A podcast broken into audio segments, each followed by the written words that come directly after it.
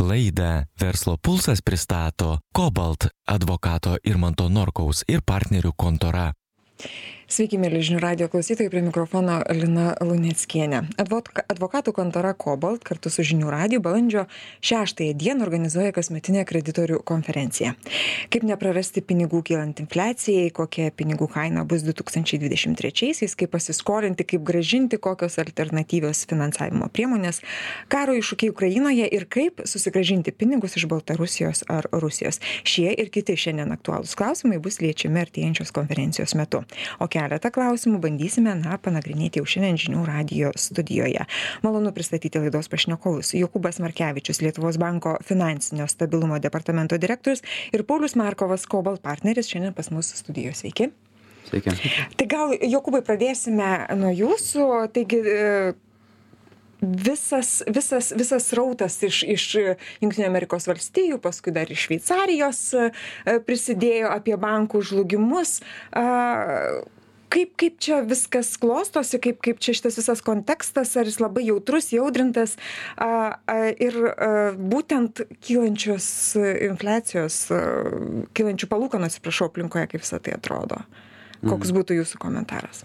E, tai turbūt galima sakyti, kad investuotojai yra įsiaudrinę, nes kylančios palūkanos natūralu apskritai lemia turto kainų mažėjimą kai priešingai iki tol mes matėm, kad mažas palūkanas lėmė labai didelį turto kainų, tiek akcijų, obligacijų išaugimą.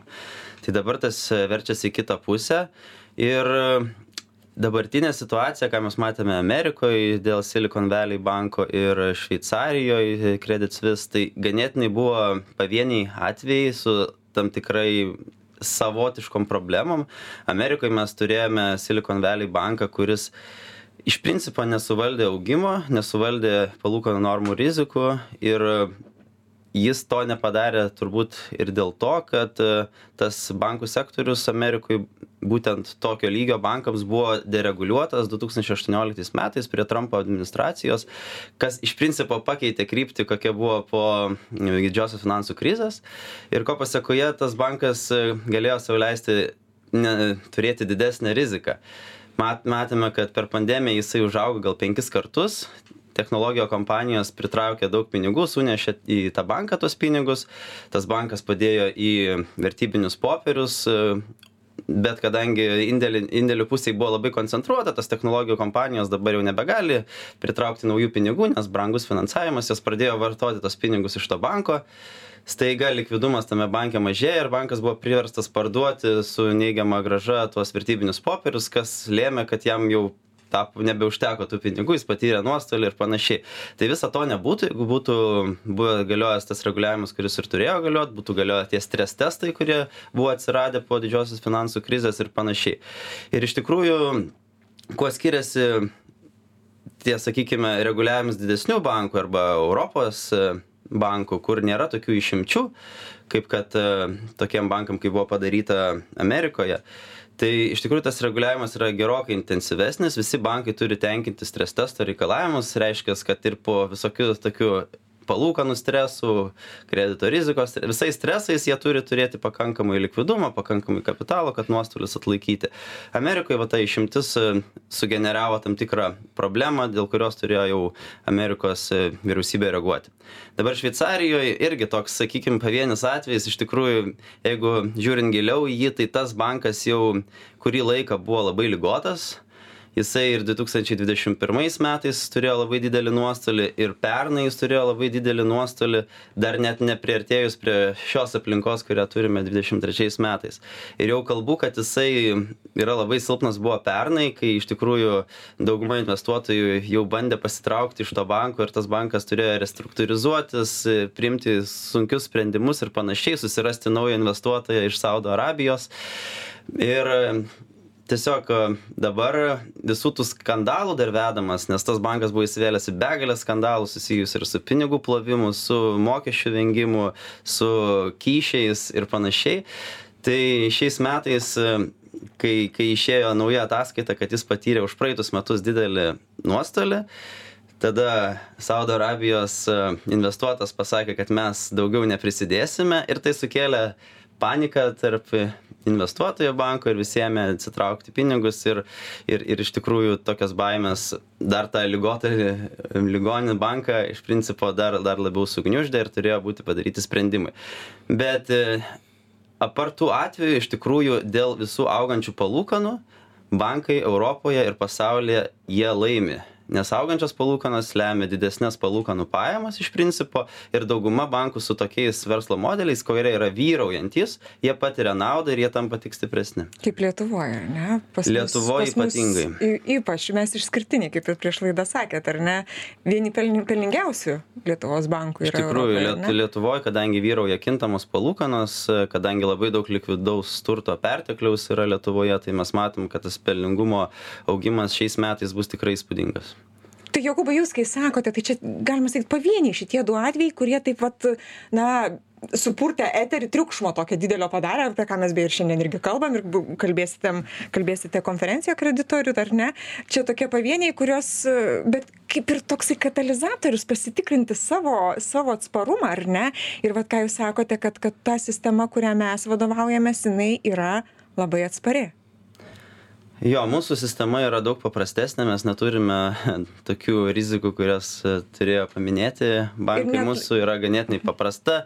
Ne po finansų krizės labai labai sureguliuota nebėra tos didelės e, sakykim burbulų rizikos kredito rizikos kad e, kažkas negrąžins paskolų taip daug nes yra ir ir atsakingo skolinimo nuostatai ir panašūs dalykai. Plius dėl palūkanų augimo labai augs ir bankų pajamos. Nu gal per griežtai mes čia dabar jau taip po du tūkstančiai aštuntų metų ar ne? Čia po to po tų finansų finansų griūties e, jau kaip ėmėm tai taip suveržėm ar ne? Dabar turim bankų pelnus milijardinius ir o o kaip o kaip o kaip paprastiems žmonėms vat va tam visam kontekste gyvent kurie nori įsigyt būstą pasiimt A, Manau, kad tai ne, ne, ne, šie- šitie du dalykai nesikerta iš principo, bet ką parodė JAF atvejais, kad reguliavimas negali būti kitoks, a, sakykime, vieniem ir kitiem žaidėjams, turi būti iš principo bendras, vienodas ir užtikrinantis, kad e, finansų sistema būtų patikima, nes jeigu to nebus, tai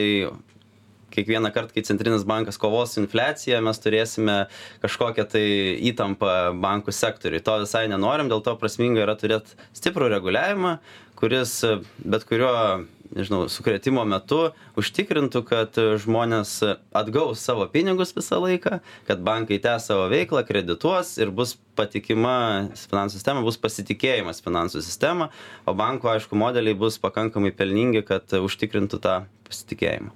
Jokūbai, dar grįžkime į Ameriką. Kaip Jūs galvojate, e, tenais dabar jie darysis išvadas, jie kažką, kažką darys, kad, kad tokių atvejų nepasikartotų? Tai be abejo, tai tuo laiku iš tikrųjų suveikė gana didelis lobizmas, atrodė, kad viskas yra ramu ir panašiai. Ir e, tie vidutiniai bankai, anksčiau vidutinis bankas buvo laikomas 50, iki 50 milijardų e, vertės, ta riba e, 2018 metais buvo pakelta iki 250 milijardų vertės.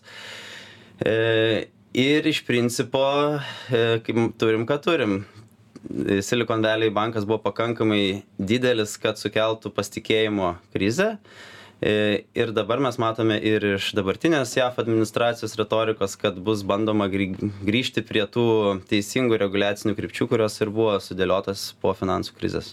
Tai mes turim būti ramus, kad mūsų bankinė struktūra nesubirės, nesugrius ir mes kažkokių panašių atvejų tikrai neturi, bent jau Lietuvos bankas nestebi kažkokių tokių Nestebim Lietuvoje. nukrypimų. Lietuvoje, sakykime taip, mokumo, e, skolininkų mokumas yra aukšto lygio. Mes matome, kad jokių paskolų vėlavimų apskritai nėra, netgi mažėjimas toliau yra vėlavimų ir yra istoriškai mažas, nepaisant visų šitų dabar įtampų. E, Lietuvos bankai dabar yra visiškai nepriklausomi nuo savo motininių bankų, nes turi vietos rinkoje pritrauktą finansavimą, todėl jokių čia sąsajų su motininiais bankais tiesioginių nebelikę, kas buvo prieš praeitą finansų krizę. Ir Lietuvos bankai, kas dabar yra įtampos, tai vat, rinkos instrumentų korekcijos kainos. Lietuvos bankai neturi tų rinkos instrumentų tiek daug iš principo kad tai galėtų kelti bent kažkokį reikšmingą nuostolį jiems. Tai iš principo yra ganėtinai aiški sistema ganėtinai aiškios rizikos jos kontroliuojamos o sistema yra irgi viena labiausiai e, kapitalizuotų ką reiškia bankai turi labai daug nuosavų lėšų prie su santykyje su paskolom kad galėtų tuos nuostolius bet kokius sugerti iš principo toksai jau gal ir atsibodęs klausimas bet vis tiek jis visą laiką aktualus. Kaip apsaugoti pinigus nuo infliacijos? Ką ko kaip vat ką jūs koks jūsų būtų patarimas? Aš manau, patarimas yra rinktis turbūt saugią finansinę priemonę, kuri generuotų tam tikrą gražą. Aš žinau, kad yra dabar toksai paplitęs naratyvas kad infliacija yra ten dvidešim procentų ar panašiai o palūkanų normos tiktai ten už indėlį vieną dus pro du procentai. Bet iš tikrųjų matome kad infliacija yra mažėjanti akivaizdžiai lietuvoje.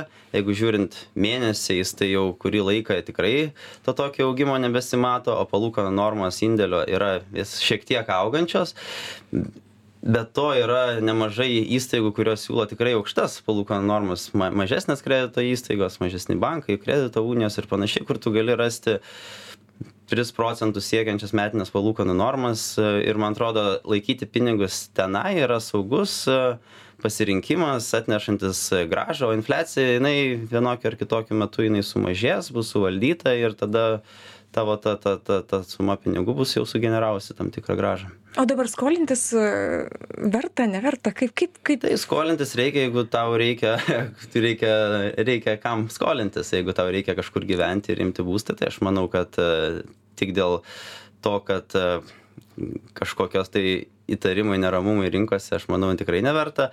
O tai verslui Čia kalbam apie o verslui tai verslas kaip... turi turbūt pasverti savo investicijų gražą ir tos kaštus, kurie jie sumokės e, bankam. Tai jeigu investicijų graža neatsveria, sakykime, finansavimas į kaštą, tai turbūt ir neverta, bet jeigu atsveria ilguoju laikotarpiu, tai be abejo yra verta.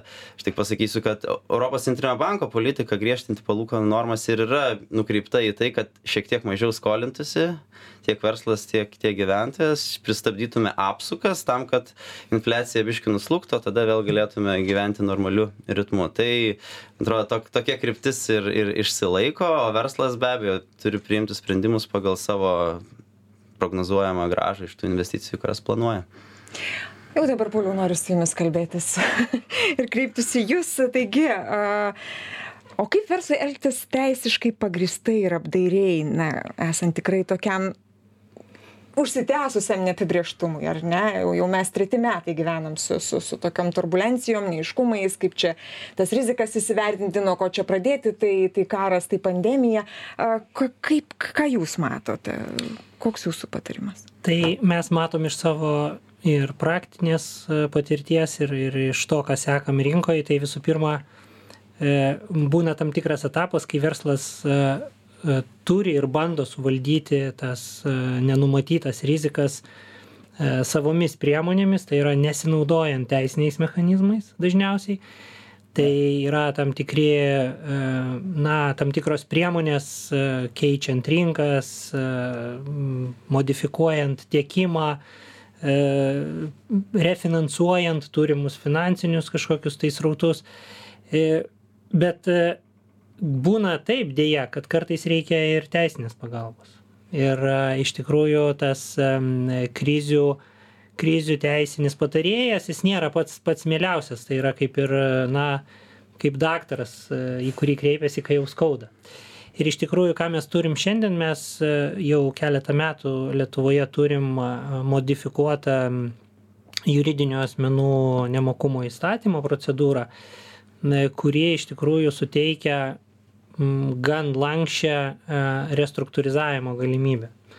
Ir tai yra na, modelis, kuris buvo įdėktas daugiau mažiau visoje Europos Sąjungoje.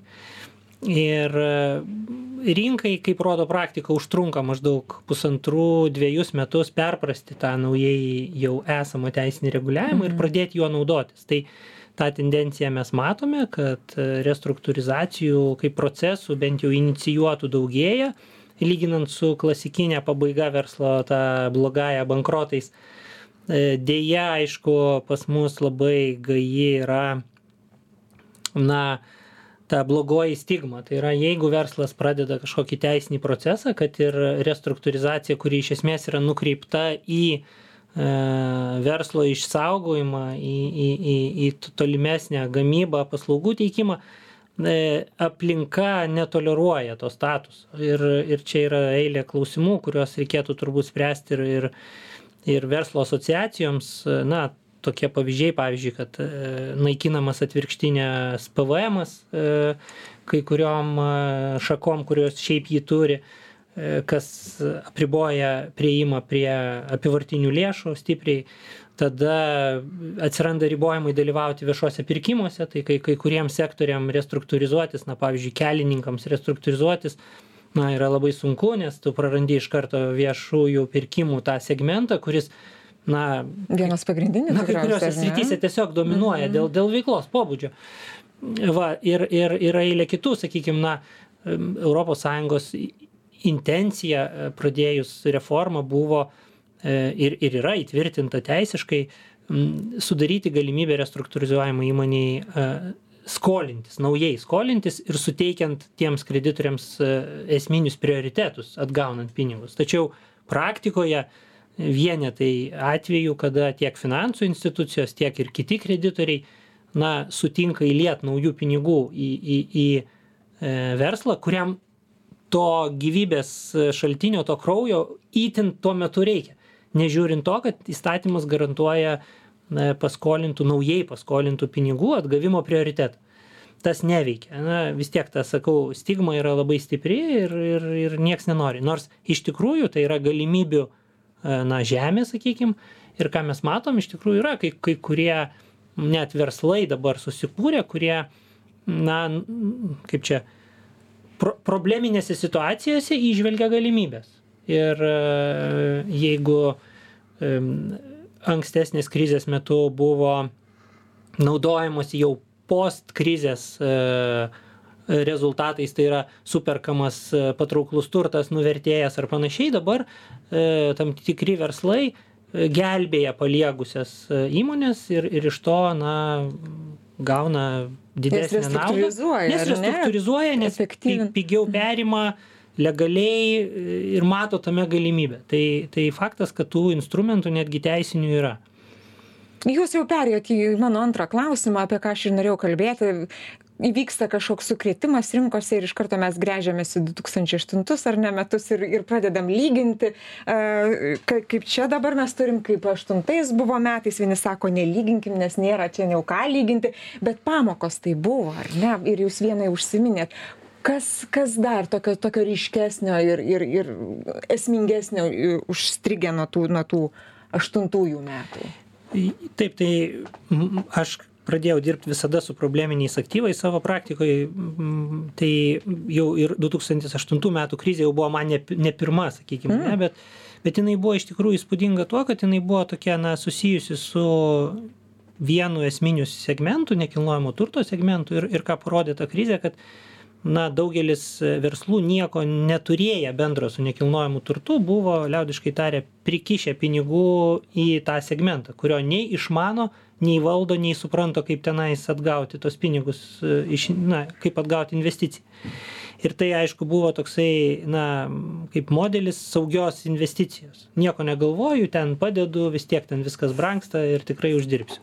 Dabar to nėra e, galbūt kažkiek buvo čia toksai um, prieš metus pusantrų mes matėm tokį pabangavimą bet lietuvos bankas labai greit užkirto tam kelią ačiū. E, tai yra investicijos į visas, e, na, kriptovaliutas ir kitus tuos technologinius dalykus, kur irgi, na, įmonės, e, pra, pramonės įmonės, na, paslaugų įmonės, kurios nieko bendro neturi su um, atsiskaitimais, elektroniniais pinigais, staiga metėsi į tą sektorių, nes manė, kad ten tiesiog padėjus galima daug uždirbti. Ir buvo tokių, kurie uždirbo. Tai iš tikrųjų ši, ši, šita krizė truputį kitokia, čia yra pasauliniai iššūkiai ir ir kai kurių iš tikrųjų neina suvaldyt nu tokių kaip karas iš tikrųjų tu nei tu mm. suvaldysi ir teisinių priemonių tam tikrai nėra e, neveikia nei draudiminė apsauga, nes visose draudimo polisuose karinis konfliktas yra nedraudiminis įvykis dėja. Ir, ir turime mes irgi ir konkrečių klientų, kur ir, ir, ir, ir Ukrainos uostose produkcija užstrigusi ir, nu, ir, nė, ir nėra kaip to klausimo išspręsti.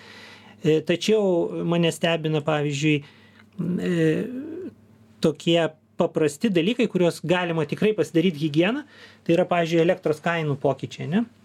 Dabar jau vėl slūksta ta tema, bet, bet pusmetį atgal buvo karšta bulvė ir, e, na, verslas turi tam tikras išlaidų eilutės. Atlyginimo eilutė, patalpų nuoma, e, energijos resursai, ne, pasižiūri, kiek procentaliai kuris sudaro, tai energijos resursas kai kuriems sudaro trečdalį ar 40 procentų išlaidų visų krepšelėje dėl gamybos specifikos, tačiau e, dėmesio tai eilutė niekada nebuvo skiriama. Ir, ir, ir mano klausimas pats pirmas būdavo, tai kodėl nėra užfiksuota, pavyzdžiui, elektros kaina pas jūs veikloje. Tai akivaizdu, kad tiesiog paprastas dalykas, reikia kreipti dėmesį į pagrindinės e, išlaidų arba rizikų eilutes, ir jas teisingai valdyti. Tai finansinę riziką išmoko valdyti, kadrų politiką išmoko valdyti, nuomos sutarties sudarimui verslininkas skiria daug laiko, įvairius užtikrinimo mechanizmus susideda garantijų sistemą, depozitus ir panašiai, o apie elektrą pamiršta, nors išlaidų struktūroje gali būti net daugiau e, reikšmingesnė pozicija. Tai tiesiog pasidaryti higieną, pasižiūrėti, tikrai yra instrumentų pabaigai paskutinis klausimas apie apie rusiją ir baltarusiją ir ir verslus ten.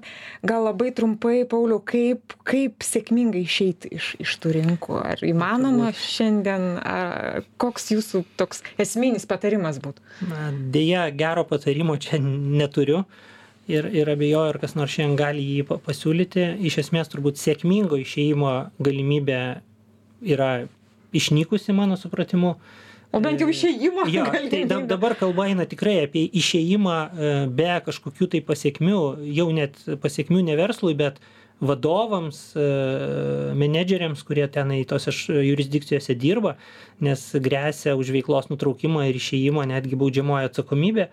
Taip kad čia klausimas tikrai kompleksinis, bet e, iš teisinės pusės, ką mes galim pasiūlyti, ir tai yra turbūt ko ne vienintelė priemonė, tai yra tarptautiniai arbitražai, e, bylinėtis, e, kas aišku reikalauja labai daug ir finansinio, ir laiko resursų. Ir kitas klausimas, kaip pavyks tos arbitražus vėliau Rusijai ir Baltarusijai įgyvendinti. Tai Pauliau, o va, va šitas klausimas galbūt bus išsameu diskutuojamas Taip. balandžio 6 dieną. Taip. E, advokatų kontoros Kobalt jūsų kartu su mūsų žinių radio organizuojama kasmetinė kredito konferencijoje e, balandžio 6. Dar kartą e, pabrėžiu, dėkui Jums už pokalbį. Noriu priminti žinių radio klausytėjams, kad šiandien verslo pulse svečiavosi Jokubas Markevičius, Lietuvos banko finansinio stabilumo departamento direktorius ir Paulius Markovas Kobalt Cloud partneris. Ačiū Jums, gražių Jums dienų. Laidą Verslo pulsas pristato Cobalt advokato Irmanto Norkaus ir partnerių kontora.